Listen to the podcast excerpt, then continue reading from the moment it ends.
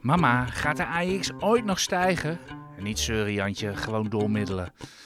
Is dat ook wat jij vindt, eh, Niels Koerts, aandelenfluisteraars van eh IX.nl? Hoe ik- er ook zo over denk.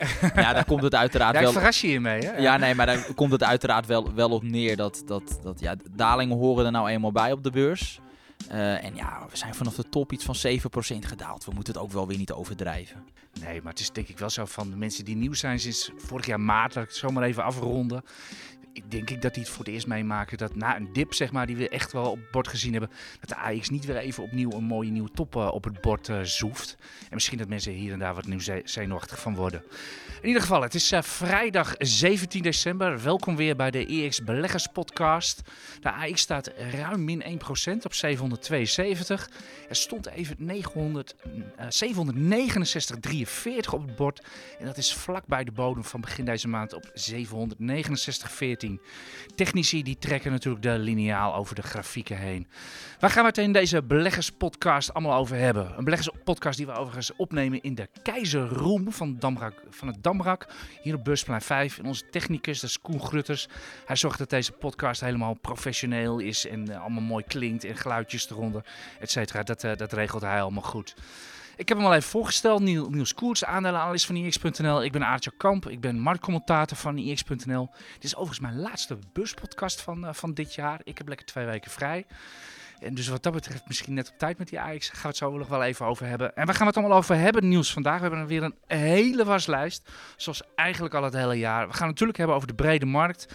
Waar de centrale banken echt vol op het orgel eh, deze week. Daar gaan we het over hebben. Natuurlijk gaan we even over het regeerakkoord hebben. En wel over de financiële onderbouwing daarvan toch. Ja, daar gaan we toch wel een beetje gehakt van maken, of niet? oh, dat weet Dan hebben we het over de financiële paragraaf. ja, ja, we gaan het niet over de inhoud hebben of Nee, zo, dus- links of rechts. eh, Nee, dus we hoeft geen zorgen te maken dat we gaan hebben over de, de kinderopvang of over eh, voltooid leven. Dat, eh, dat gaat hem niet worden. 35 miljard klimaat, wat dan ook. Wij Nee, hebben het over de financiële onderbouwing. We gaan het ook over de vermogensrendementsheffingen he- hebben, waar ook iets over stond in het eh, regeerakkoord. Dat gaat ons allemaal aan. En uiteraard hebben we weer wat eh, aandelen bij de kladden natuurlijk ook deze week. We gaan het hebben over PostNL, Just Eat Takeaway. We komen ze vaker voor in deze, deze, in deze podcast.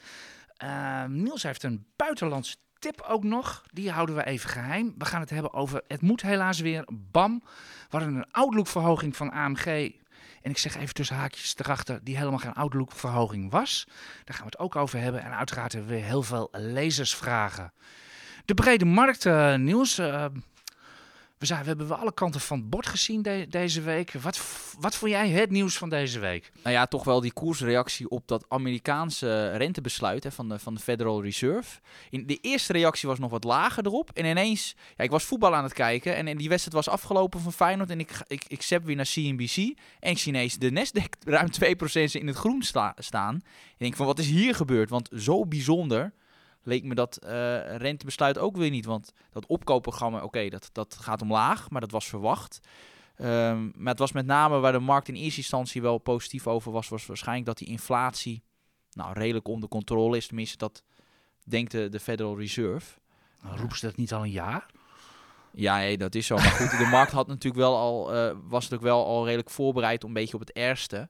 Eh, omdat eh Paul natuurlijk wel wat had gezegd eh twee ja, geleden. formeel gezien was het, zoals wij het op IEX noemen, wel hawkies, havix. We vertalen dat gewoon letterlijk in het Nederlands. Een havix rentebesluit. Hè, verwacht werd dat hij, ja, dat hij toch wel dat opkoopprogramma eh, ging versneld afbouwen. In plaats van 15 miljard per jaar, 30 miljard. Hij sloot zelfs niet uit dat het 40 miljard eh, gaat worden. Met andere woorden, De afbouw, hè? ja, de afbouw. En dan met andere woorden, in maart, en dat is, dat is gewoon uh, einde, einde winter, is gewoon dat hele eh, programma van 120 miljard per maand, 120 miljard per maand, is gewoon naar nul. En dan krijgen we volgende week, volgend jaar drie renteverhogingen.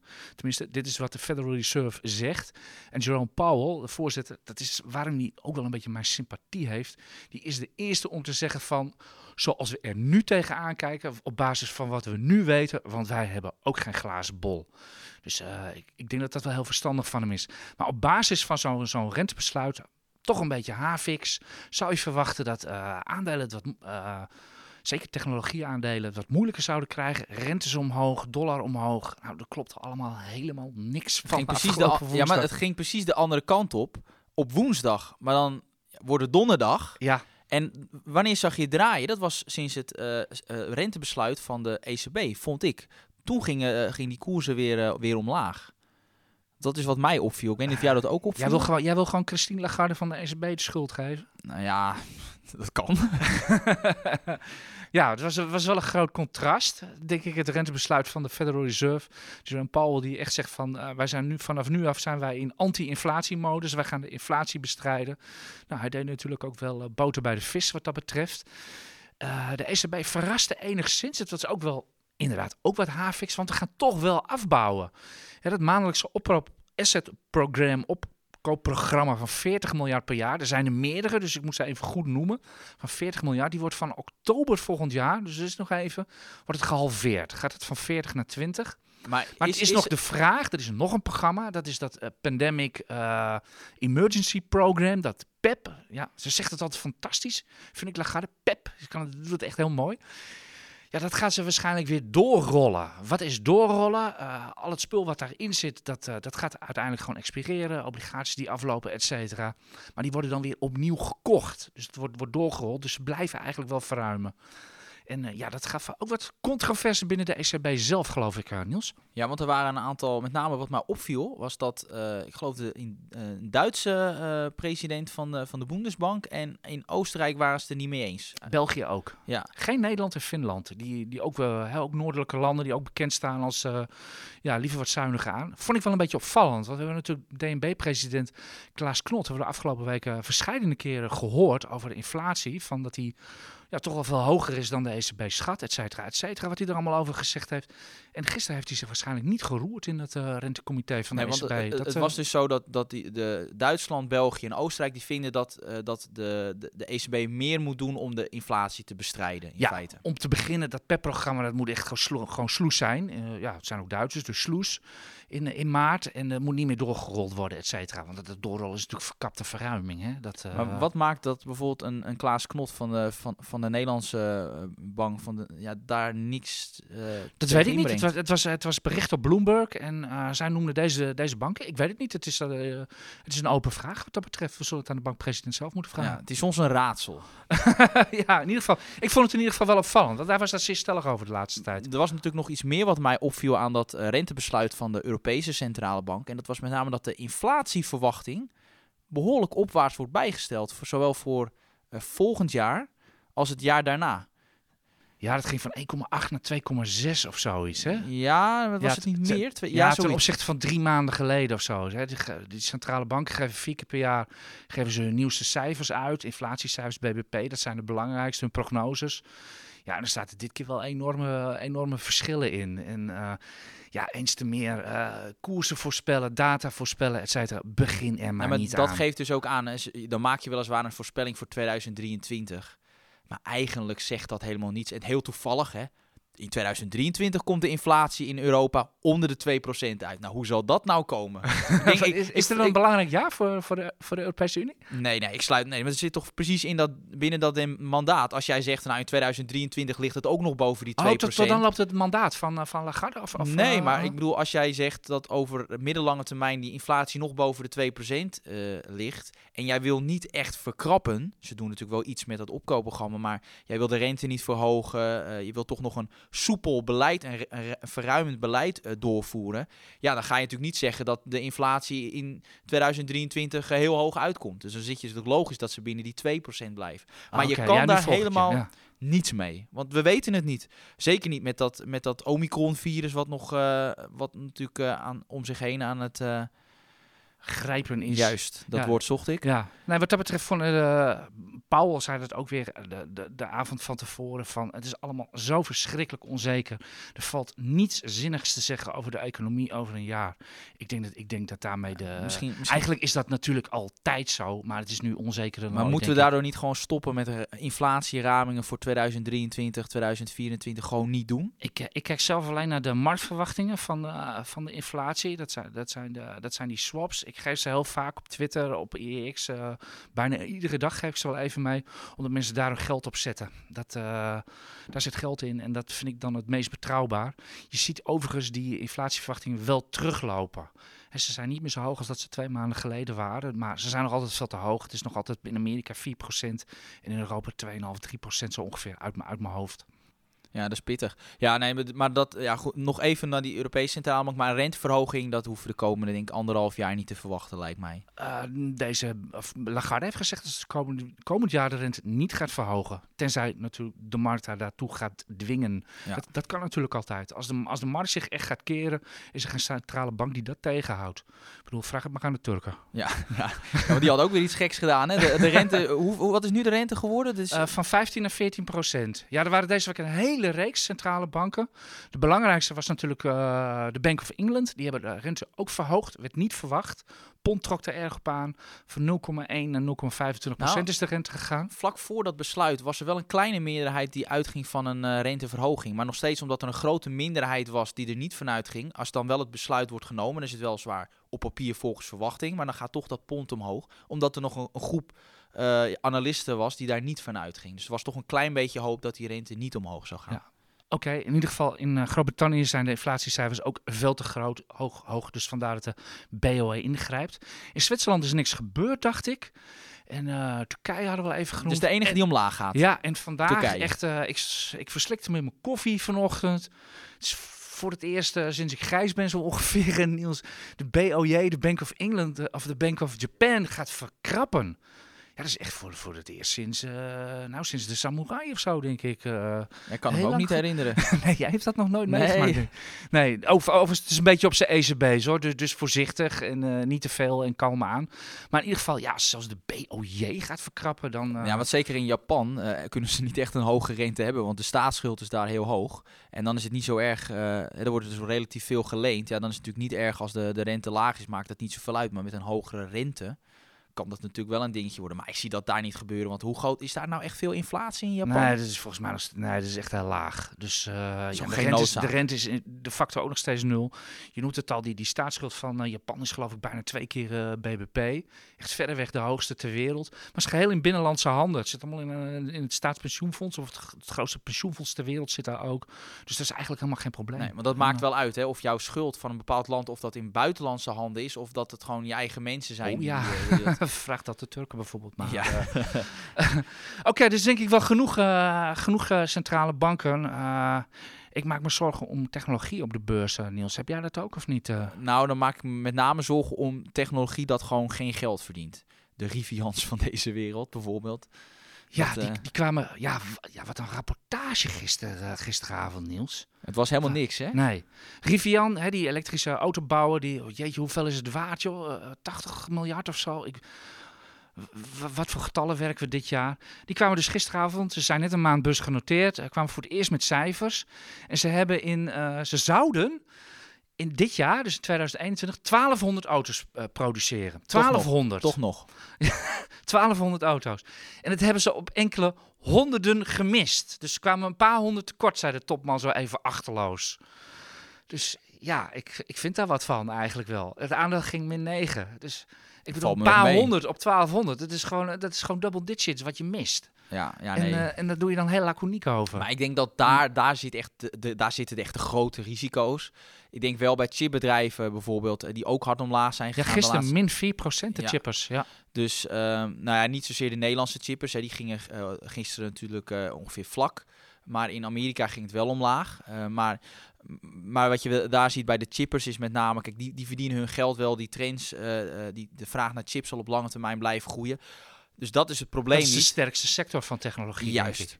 Uh, alleen op korte termijn met hogere rentes ja, hebben chipbedrijven daar wel uh, last van. Omdat ja, je berekent uiteraard koersdoelen op basis van uh, vrije kaststromen. En als de rente bijvoorbeeld wat stijgt, ja, gaat gewoon, ja, de, moet je met, rekenen met een hogere verdisconteringsvoet. Hoe ingewikkeld het ook klinkt. En dan ja, is die netto contante waarde wat lager. Dus zo werkt dat. Ik zie alleen de rentes niet stijgen, Niels. Nee, nee, dat is dus het hele, het hele aparte. Maar we, we zien wel, we zijn daar niet de enige in trouwens, die, die de beweging toch wel heel raar vinden en ja, onbegrijpelijk. Je noemde het al afgelopen woensdag echt Iedereen stond heel gek te kijken. Dat, die, dat met name de Nasdaq natuurlijk zo ontzettend hard gaat.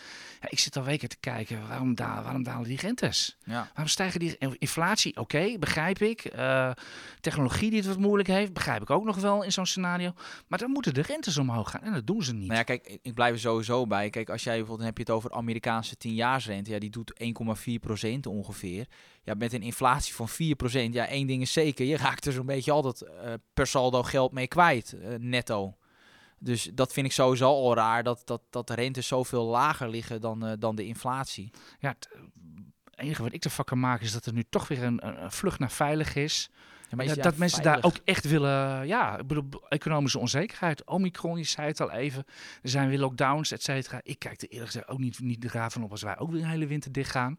Nou, liever niet. Uh, nee, liever niet. Maar uh, worst case scenario's uh, moet je altijd hebben. Gaan we het zo meteen nog meer over hebben, ja, over worst case scenario's. Ja. Trouwens, nou, misschien, misschien dat dat gewoon, gewoon gaan is, dat er even gewoon wat geld van tafel wordt genomen. Ons, het is allemaal zo onzeker op dit moment. En uh, ja, ook wel tegenstrijdig, hè? Want, want Paul had het ook maar over een ijzersterke Amerikaanse economie. Dat, dat, dat is eigenlijk ook al. Ja, dan, dat dan hoef je ook niet bang te zijn voor stagflatie. Want ik bedoel, stagflatie betekent een zwakke economie, hoge werkloosheid, hoge inflatie. Dat is precies wat je niet ja, wil. Nee, en wij hebben, we hebben een economie die dampt. Uh, dus dat, dat is eerder een arbeidsmarkt tekort.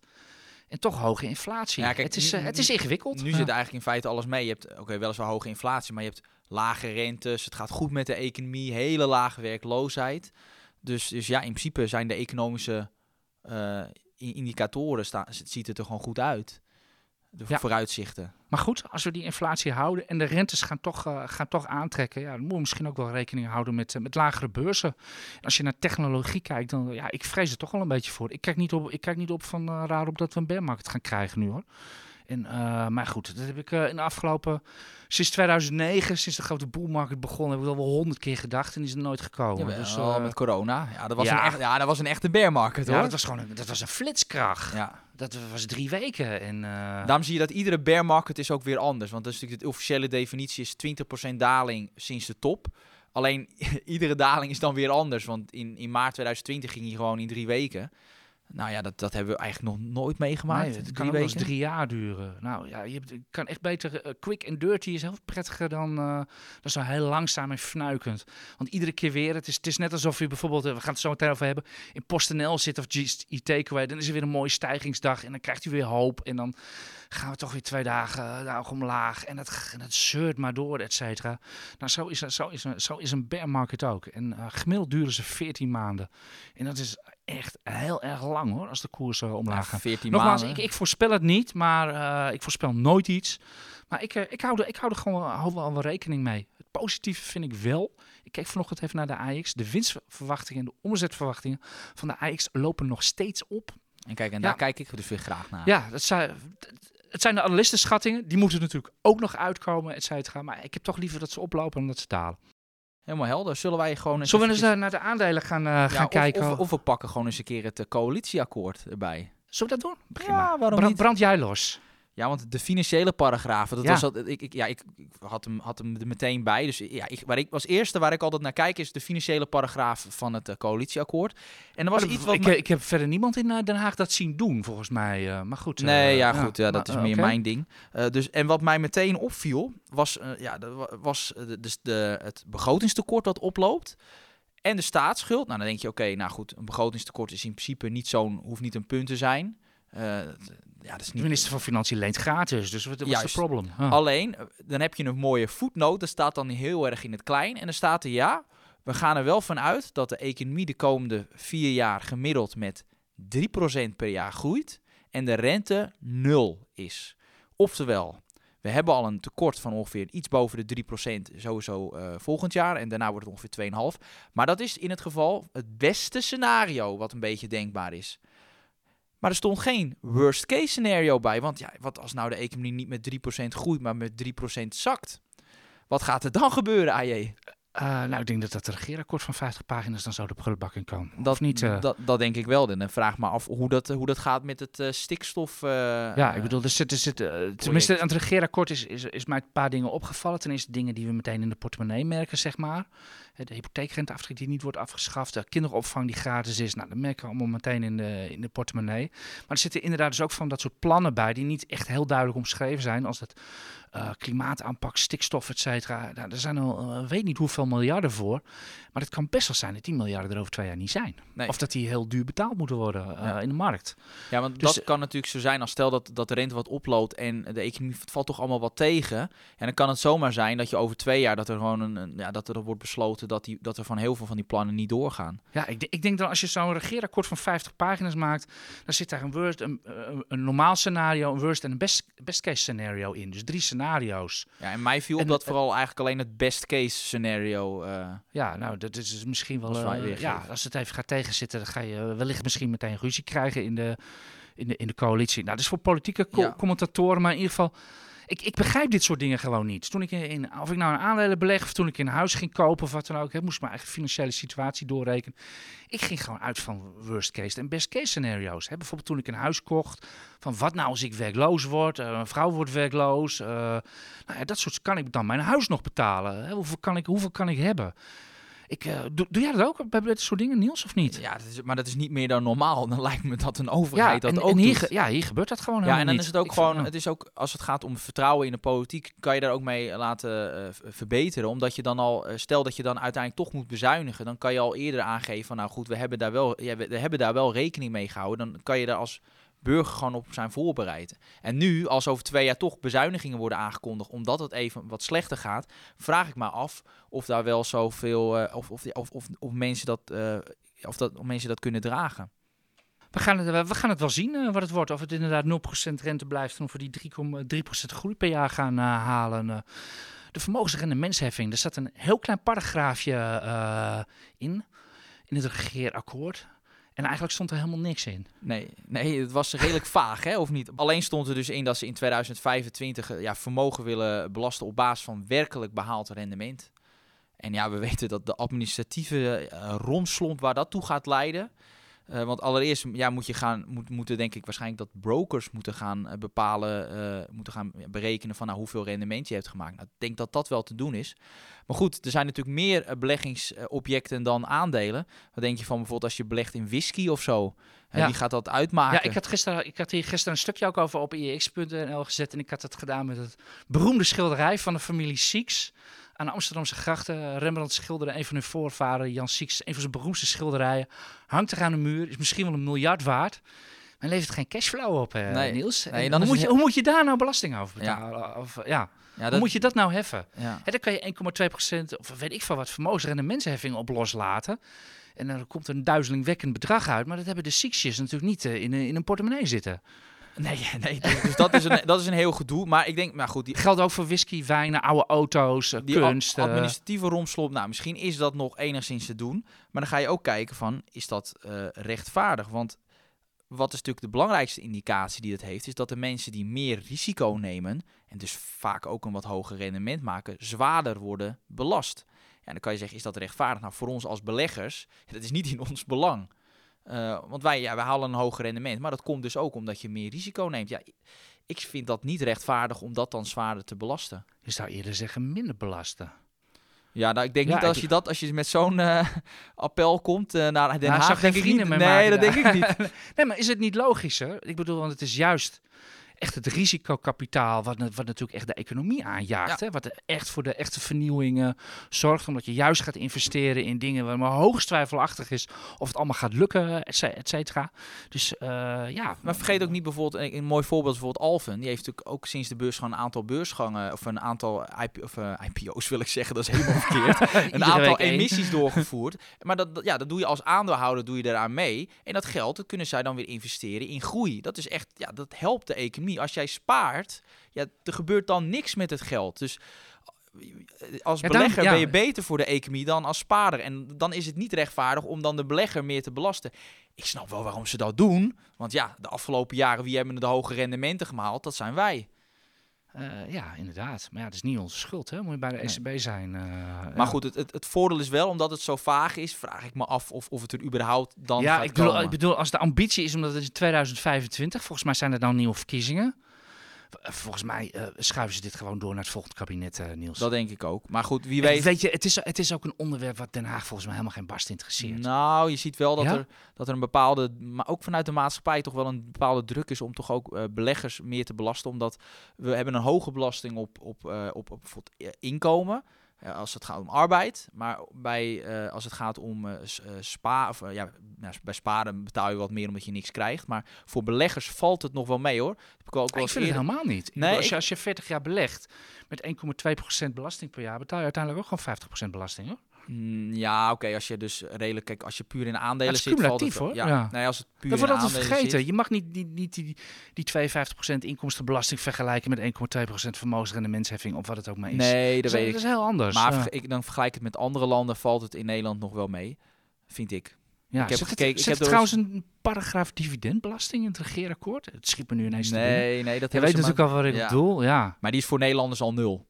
Ja, je betaalt 15%, Ja. maar die krijg je later weer terug. ja, maar goed, buitenlanders die hier in onze Maar aandelen nog- beleggen niet. Nog eh, één ding wat ik er nog wel over wil zeggen, is dat als je zo'n iets gaat invoeren, eh, daar valt natuurlijk ook wel wat op te zeggen. Want stel dat je dus eh, wordt gecompenseerd voor verlies, gaat het risico van beleggen wel omlaag. Dus, want op het moment dat jij dus verliezen leidt en je krijgt dat deels terug van de belasting, dempt dat wel je verlies. Dus de, de- er zit ook wel een, met name voor hele beroerde beleggers, is het, van, is het denk ik een fantastisch eh, initiatief.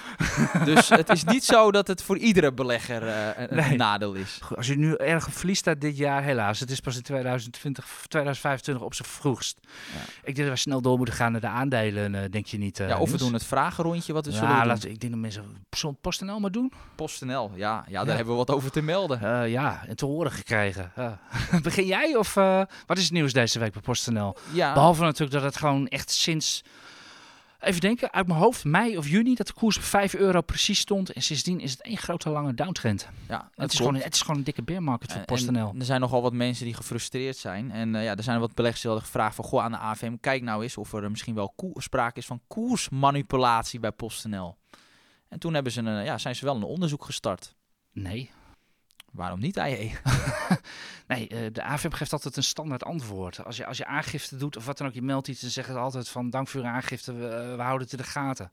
Dat zeggen ze overal over. Ze zeggen niets over lopende zaken die ze, die ze, Ik, ik heb toch, die ze wel of niet op de korrel hebben. ik, heb toch echt gelezen van nou, ze gaan onderzoek doen. Maar dat is gewoon meer een soort van algemeen antwoord. Ja, ja dat, is, is het standaard antwoord wat de AFM uh, altijd geeft. En ik weet niet of ze er onderzoek naar doen. Het zal me niet verbazen. Uh, er zitten heel veel ex-marktmensen ook bij de AFM... dat die uh, zo nieuwsgierig zijn geweest naar... Die hebben natuurlijk ook gezien wat die koers doet. En dat er een hele grote koper was tegelijkertijd. Dus er zit een meneer- hele grote koper Ja, die meneer Daniel Ja. Kretensky uit uh, Tsjechië... die 20,1% heeft, uh, heeft opgebouwd.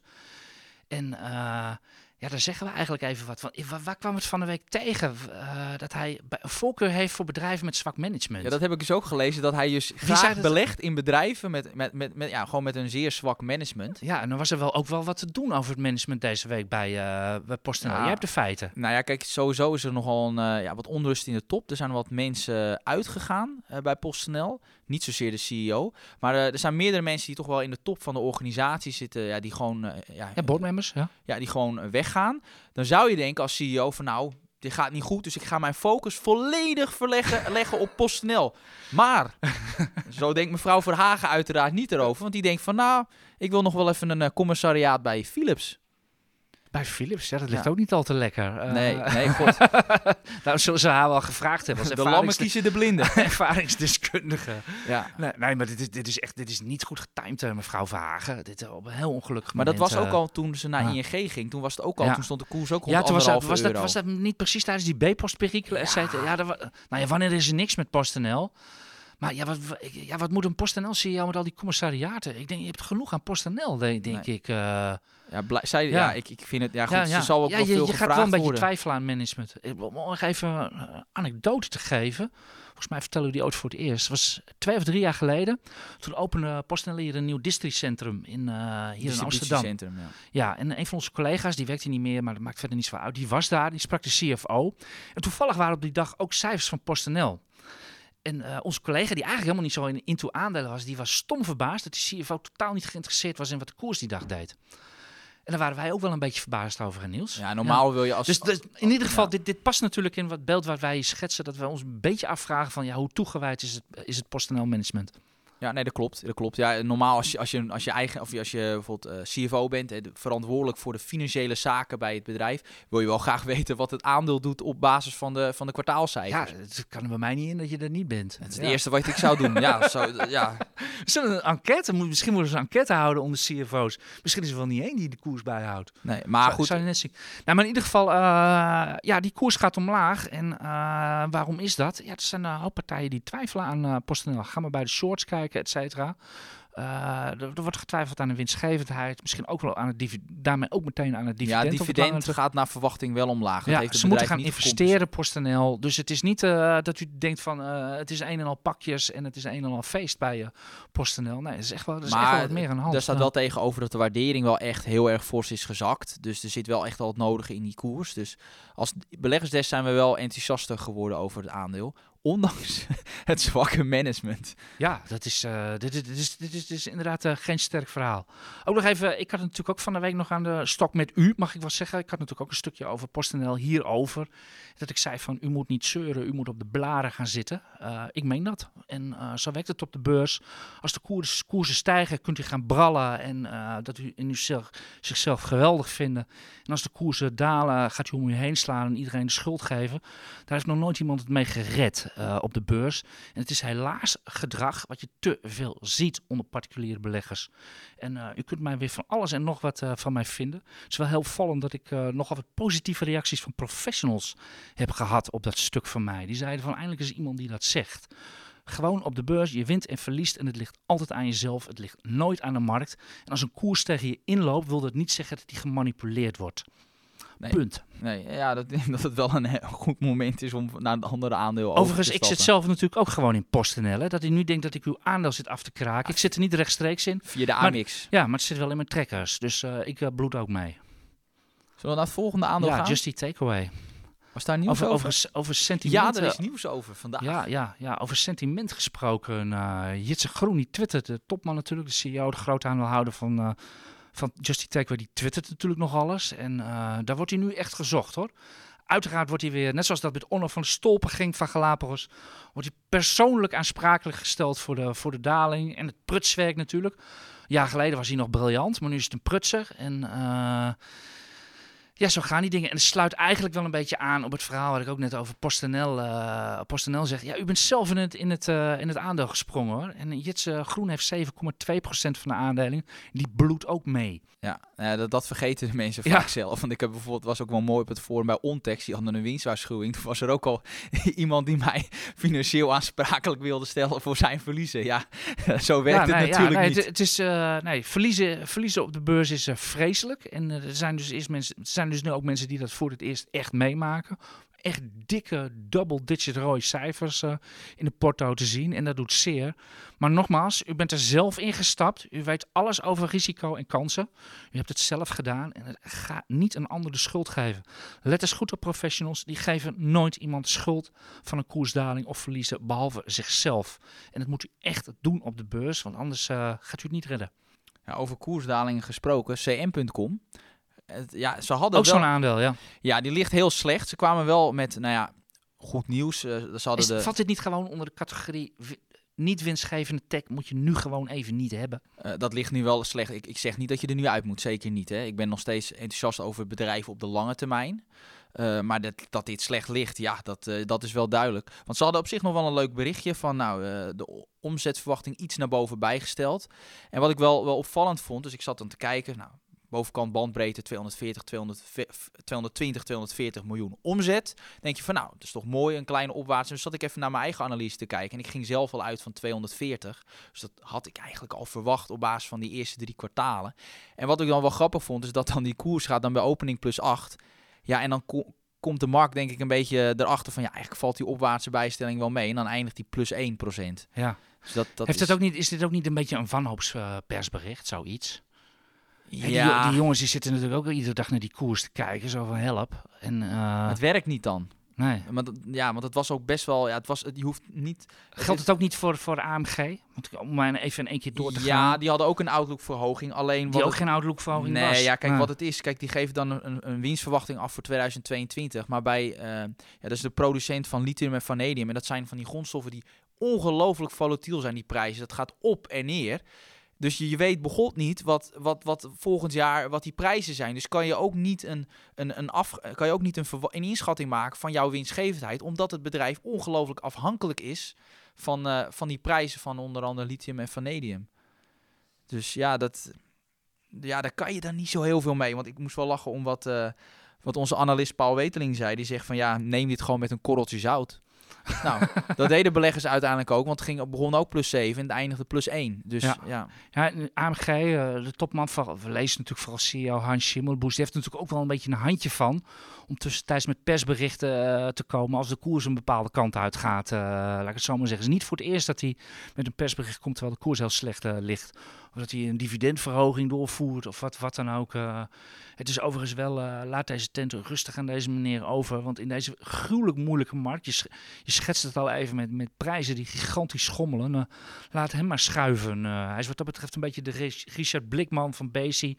Die daar natuurlijk ook ontzettend handig en ervaren in is. Dus wat dat betreft is het hem wel toevertrouwd. Maar ik vind zelf wel AMG wel heel teleurstellend presteren dit jaar. maar wat ze ja. wel doen is dat ze heel erg investeren in die productiecapaciteit verhogen. En dat, dat kost Ja, maar ze zijn heel lang aan het investeren. Ja, dat dat eens een keer wat onderaan de streep Nee, zien. dat klopt. eh, maar, Niels. maar over twee, over twee jaar gaat dat er wel eh, over twee jaar. aankomen. Ja, ja, er moeten natuurlijk wel die prijzen goed zijn, anders heb je er helemaal niks aan. Eh, maar nee. Het worden wel heel veel voorbehouden. Ja, lijkt maar wel- dat je lijkt is- wel, je lijkt wel een centrale bankpresident. Nee, joh. ja, maar, ja, maar met, met dit soort aandelen moet je zeker wat voorbehouden hebben, want dit is zo risicovol. Maar eh, ja, ik, ik vind dat ze goed bezig zijn bij AMG. Ik heb ze zelf niet, ben, heb ze wel op het oog. Eh, maar eh, ik wacht daar nog heel even mee. Ja, en er is nog een aandeel waar echt nieuws was eh, deze week, want bij BAM, ja... Want ja, die afsluitdijk, dat is toch weer het hete Ja, hangijzer. waarvan we officieel niet weten dat het de afsluitdijk... Oh nee, het is wel de afsluitdijk. Ja, dit keer was het echt de afsluitdijk, ja. Ja, maar dat kwam natuurlijk niet vanuit BAM, want het Rijkswaterstaat had gezegd ja. van... BAM heeft niet gereageerd op Nee. het bericht. Hè. Even, even heel goed, dus ja. Die kosten lopen flink op, want de kostenoverschrijding was niet 120 miljoen zoals we het eerder was verwacht, maar 400 miljoen. Hoppa. Ja, en je zou toch denken ja, dat die bouwers daar toch ook een deel eh, van moeten eh, mee gaan betalen. Maar het viel me mee, die koersreactie. Ja, ik zat bijna te kijken, is dit al ingeprijsd? Want het is inderdaad, het is een gat van, eh, van 120 naar 400. Ja, deel je dat door drie. Ja. Dat, daar word, word je niet blij van bij een aandeel als BAM dan. Ja, het, het is afwachten. Ik, ik bedoel, als het echt catastrofe... Ja, je weet het niet, BAM communiceert hier Nee, niet want dat, over. dat vind ik wel heel eh, teleurstellend van een bedrijf. Dat ze gewoon niet eh, transparant zijn over dit hoofdpijndossier. Geef gewoon aan van, nou, we zijn hier de mis mee ingegaan. Als CEO kan je notabene zeggen, het was mijn voorganger die dit waanzinnige project eh, per se Ja, het wilde is niet van meneer. Joosten zelf. Dus hij Nee. kan het wat dat betreft kan niet zo op straat gooien. Ja. De- ja, dat is, zou heel makkelijk zijn. Maar ik, ik, ik weet het niet. Eh, nou, wij horen natuurlijk ook wel het enige dat daar ook ja, binnen... de- blijkbaar zijn het delicate onderhandelingen met Rijkswaterstaat. Ik bedoel, eh, BAM wil dat eerst helemaal eh kant en klaar hebben. Dus het is... eh, Ja, maar ze kunnen best wel gewoon aangeven van we, we hebben hier een fout gemaakt. Ik denk dat dat alleen maar tot meer vertrouwen zou leiden. Eh, en eh, ja, goed, wat ik wel blijf, ik blijf wel bij BAM is wel bezig aan een soort van omslag aan het maken. Dat dit soort gekke projecten zie je eh, die nieuwe CEO minder snel maken. En ze zijn niet voor niets gestopt met dat hele Feyenoord City. Ze- Toen hebben ze gewoon die prijs zo ho- hoog opgevoerd dat Feyenoord zei van nou, daar gaan we niet aan beginnen. Dus je ziet wel een aantal signalen dat, streng, ja. dat ze echt, eh, echt wel aan het veranderen zijn. Die vorige topman, ik ben even zijn naam kwijt. Ik dacht van Wingerden dat die man heette. Ja, zat te huilen op la, maar. Ook, maar ook dat. Maar die zei altijd van, nou, nu gaan we echt goede, nu willen we hoge marges maken. En dan iedere keer, toen kwam de zeesluis, nou, toen kwam de afsluitdijk. Dus die die had had Duitse sluis. En, eh, daar waren het vooral woorden. En bij deze, deze nieuwe topman, eh, Joosten, is het, zijn het wel daden. Maar dan vind ik het wel weer jammer dat hij niet eh, transparant is. ah, jammer, had, hij hiermee echt een, een, eh, het vertrouwen van beleggers eh, terug kunnen winnen, denk ik. Dat is Nou, natuurlijk gewoon... gewoon Volledig terugwinnen bij BAM is onmogelijk, want daar zit zoveel leed in, in die ja, oké, nee, maar hij had, echt een, hij had hier echt een slag kunnen maken. Ja. Hè, door dit gewoon transparant te communiceren, et cetera. Hij is echt het bedrijf aan het verbeteren. En eh, ja, nogmaals, dit is geen project van hem. Dus hij kan het makkelijk doen. En eh, ja, dan, had hij, dat, ja, dat hij op de bus gewoon mee gescoord. Van hey, met BAM-geval kan je gewoon weer praten. Ik kom je niet voor uh, verrassingen te staan. Helaas, ze maken andere keuzes. Uh, zullen we even gauw naar de lezersvragen gaan? Ja. We, gaan we, we, praten maar door vandaag. Ja, joh, het, gaat, het gaat snel vandaag. ik, heb, ik heb er ook nog eentje. Zal ik daarmee beginnen? Want dat is denk dat ik, mag ik denk dat ik denk dat iedereen er wel een beetje mee zit. Ik kreeg een vraag van iemand. Ik lees hem niet op. Ik weet ook niet van wie die was, maar ik kreeg hem op Twitter. Uh, die zei van ja, ik zit dan heel lekker uh, in Shell voor die dure gas, uh, voor die dure gasrekeningen deze jaar. Maar Shell bakt er natuurlijk niks van. Wat voor hedge moet ik kiezen tegen de hoge gasprijs? Vraag je dat aan mij? Ja, dat vraag ik aan jou, Niels. Maar ik ben toch, dat is, dat is helemaal niet mijn expertise.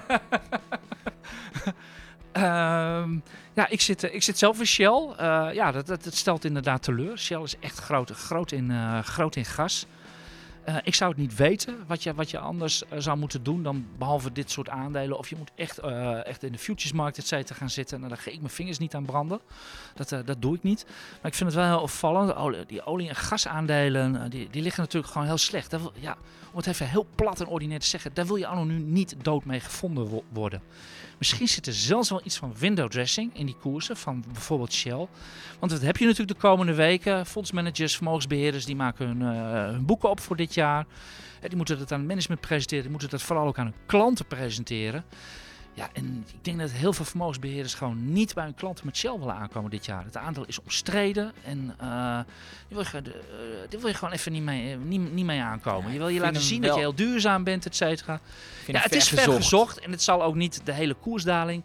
Maar het geeft wel het sentiment aan rond deze aandelen. Die, daar zit je gewoon niet in op, op, op dit moment. Nee, maar het is ook het wel is... zo dat Shell een hoop hedged. Hè? Dus dat zowel een dalende gas, gasprijs dan redelijk gehedged en ook naar ja, boven. Laat Shell maar schuiven in die markt. Uh, dat, dat is het probleem. Nee, maar dan aandeel Shell natuurlijk. Ja, maar dan profiteren ze ook financieel minder van die stijging als jij zaken afdekt. Dus daar hebben ze ook wel last van. Ja, maar dat vind, vind ik wel een beetje, vind ik een beetje vergezocht. Nou, maar dit is, dit is, tenzij je echt in die futures gaat zitten handelen, et cetera, is dit echt wel een beetje lastiger. En uh, ja, ik vrees dat we gewoon een beetje mee moeten bloeden. Ja, daarop volgende vraag van Witte de Wit. Ja, ja. is, is Fopak inmiddels koopwaardig en is het wellicht een prooi voor Hal? Nou, ja, ik wil daar wel wat over zeggen. Dat Fopak is al van Hal. Ja, deels, maar ze, hebben, ze, hebben, ze zijn natuurlijk niet groot aandeelhouder. Ja, ze hebben wel een groot belang, maar niet... 48 procent? Ja, maar ze, hebben nog niet de meerderheid. Dus nee, de vraag is meer, wil, wil, wil Hal... Er wordt, er wordt geen punaise ingekocht zonder toestemming van Hal, hoor. Nee, dat klopt, maar de vraag is meer van, gaat Hal misschien de, de rest ook kopen? Oké. Okay. Uh, mijn... Ik heb daar mijn twijfels over, ook omdat die, die koers zit in een verschrikkelijke downtrend. Ik kan daar niks anders voor zeggen. Alleen, die downtrend is wel het gevolg gewoon omdat de winstgevendheid onder druk staat. En met de winstgevendheid staat echt ligt ver onder het niveau van bijvoorbeeld 2019. En uh, wat je ook ziet, is ze hebben gewoon ook een paar keer verteeld aan een paar grote projecten, zoals het Panama-project, waar ze honderden miljoenen op hebben moeten ja. afschrijven. Het is, het is gewoon even niet het aandeel waar je op dit moment bij moet zijn. Er zit geen fantasie in, er is geen verhaal. Uh, bestuurswisseling natuurlijk ook. En uh, nee, ik, hoef je niet aan te beginnen voor een, Nee. trend, voor een technische trendbreuk. Nee, denk ik zou, ik, daar, eh, ik Nou, zou daar heel voorzichtig mee zijn. Een andere vraag van eh, Putten over JDE Piet. Hij zegt, Niels, ja, er zit, ik zie nu een duidelijk haakje in de grafiek. En ben je al ingestapt? Want ja, ik zei natuurlijk van, nou, ik ben wel, eh, ik had een kooptip eh JDE Piets afgegeven hier in de podcast. Maar ik zei wel, je moet ze wel kopen als het aandeel een beetje aan het uitbodemen is. Nou, dat lijkt het wel een beetje op. Het is nog heel voorbarig. Maar het klopt inderdaad dat ik zelf ook wat eh, positie heb genomen. oké, ongeveer dus, rond deze koers Dus ongeveer. jij boter bij de vissers, jij hebt ze gekocht. Zeker. Het zou, wie weet, zou het zomaar eens aan de jaar van defensieve aandelen kunnen worden volgend jaar. eh. Ja, ik, ik, Hè, ik, infla- zit wel, Inflatie, misschien ook de rentes. ik zit daar wel redelijk overwogen in hoor. In die echte waardeaandelen. App InBev, JDE Peets, Ahold, Deutsche Telekom. Zelfs Bayer zie ik als een... eh, ja, hij is wel wat hoger risicovol, eh hoger risicoprofiel. Maar ook daar zie ik wel, wel kansen. Nog steeds. Ja, Maar- maar, nou, het is natuurlijk wel zo dat je natuurlijk niet moet uitgaan van, van eh, meteen gierende koersen omhoog of wat Nee. dan ook. Maar gewoon dat defensief relatief goed presteert ten opzichte van technologie en groeiaandelen. dat, dat, dat zou zo kunnen. eh, hè, dat kan dus. eh, vroeger was het heel gewoon. Stonden met, met kerst en oud en nieuw stonden fondsmanagers te juichen, want ze stonden min 20% en dan hadden ze het 5% beter gedaan dan de benchmark. Echt gezien voor mijn eigen ogen. Dus, ja, nou ja, ik, moet, ja. Ik, ik heb zelf ook... Ik, ik, ik sta nu iets van, van plus meer dan 20%. Maar dat is minder goed dan de AX. Ik denk dat ik, dat ik liever heb dat ik plus 5 sta met een AX die min 10 gaat... dan dat ik plus 20 sta met een AX die plus 25 eh, staat. Dus, dus ja, zo sta ik wel een beetje... Ook sta ik, sta ook ik in de wedstrijd. Dat, eh, Oké. We hebben drie kwartier volgepraat nieuws. Ja. Ga jij nog even je tip geven of uh, zwaai ik de lezers nog even uit? zwaai jij de lezers maar uit, want het was jouw laatste podcast geef, van je dit die jaar. tip, dan geef je die tip volgend jaar maar. Dat eh, komt ja. wel goed. Ja. Ja. Nee, ja. ik ga wel, nee, je had gezegd dat het een tip was, maar ik had hem al eerder getipt. Ik wilde gewoon alleen aangeven dat het goed nieuws was bij Bristol Myers. Oké, je hebt de aandelen? Ik heb de aandelen wel eens ook eind vorig jaar getipt. En koers is niet zo heel goed gegaan, ongeveer hetzelfde niveau als eh, eind vorig jaar. Maar dividend plus 10% en ze gaan eh, ruim 12% van het aantal eigen aandelen inkopen. Dus eh, Oké, nou die heb, je dan, die heb je dan goed gezien. maar het zegt uiteraard niks over de koers, maar wel dat het bedrijf veel geld gaat verdienen. Ja. Ook voor u. Dus, en dat, dat vond ik zelf de meest bijzondere gebeurtenis van alles wat er gebeurd is dit jaar. Die rally in meme-aandelen afgelopen januari. Dit is denk ik een fenomeen dat we nooit eerder gezien hebben op de, op de beurs. Ik noem het zelf een reversed crash. Wat daar gebeurd is. Normaal zie je dat soort bewegingen alleen maar naar beneden toe. En voor het eerst dat het ook omhoog toe ging. En het mooie was toen, dat, was dat, de, dat de, eigenlijk de, ja, de beschermingskleppen van, van de markt, die, die naar beneden toe werken, de margins, et cetera, dat die dus ook voor het eerst ooit in een opgaande markt aan het werk waren. En inderdaad begonnen toen ook die particuliere beleggers te gillen dat Robinhood en Citadel hun eh, ja, aan het uitmanoeuvreren waren. En uiteindelijk is het ook allemaal weer keurig netjes gegaan volgens de SEC. Er was niks aan de hand, geen manipulatie, dat, et cetera. dat is wel een beetje jouw van dit Ja, jaar. ik vond, ja, ik vond dat even wat, wat daar gebeurde in die aandelen, daar ben ik nog steeds beduust van. Dat eh, Nee. die enorme bewegingen, die enorme volatiliteit, de volumes, eh, ongehoord. Echt, echt, echt nieuw op de beurs. nou goed. Dat de boel zo hard in elkaar stort, dat weten we. Maar dat het zo hard omhoog kan, is echt nieuw. Ik hoop dat we het volgend jaar eh, weer van dit soort Geniet van je dingen- vakantie. Ja, ik hoop dat we volgend jaar dit soort gekke dingen weer gaan zien, want ik ben er dol op. Juist, maar de komende twee eh, afleveringen die ga ik eh, uiteraard maken. De laatste eh, weet ik al, ga ik met Paul Weteling doen. En wij gaan met een podcast komen. Nou, daar gaat over worden nagesproken. Geloof mij, geloof mij. Over twee weken dus. We gaan volgende, week doe je, volgende week doe je het met Erik Maurits? Ja, we gaan het... eh, en, en de laatste doe ik met Paul. En dan gaan wij eh, gewaagde voorspellingen doen voor 2022. Oké, doe dat. Ik ga dan zeker ook luisteren. Ik dank u hartelijk voor een jaar lang naar deze beleggerspodcast luisteren. Ik heb het met veel plezier gedaan. Ik hoop dat u met veel plezier geluisterd hebt en er wat van geleerd hebt. En eh, tot volgend jaar. Goed uiteinde.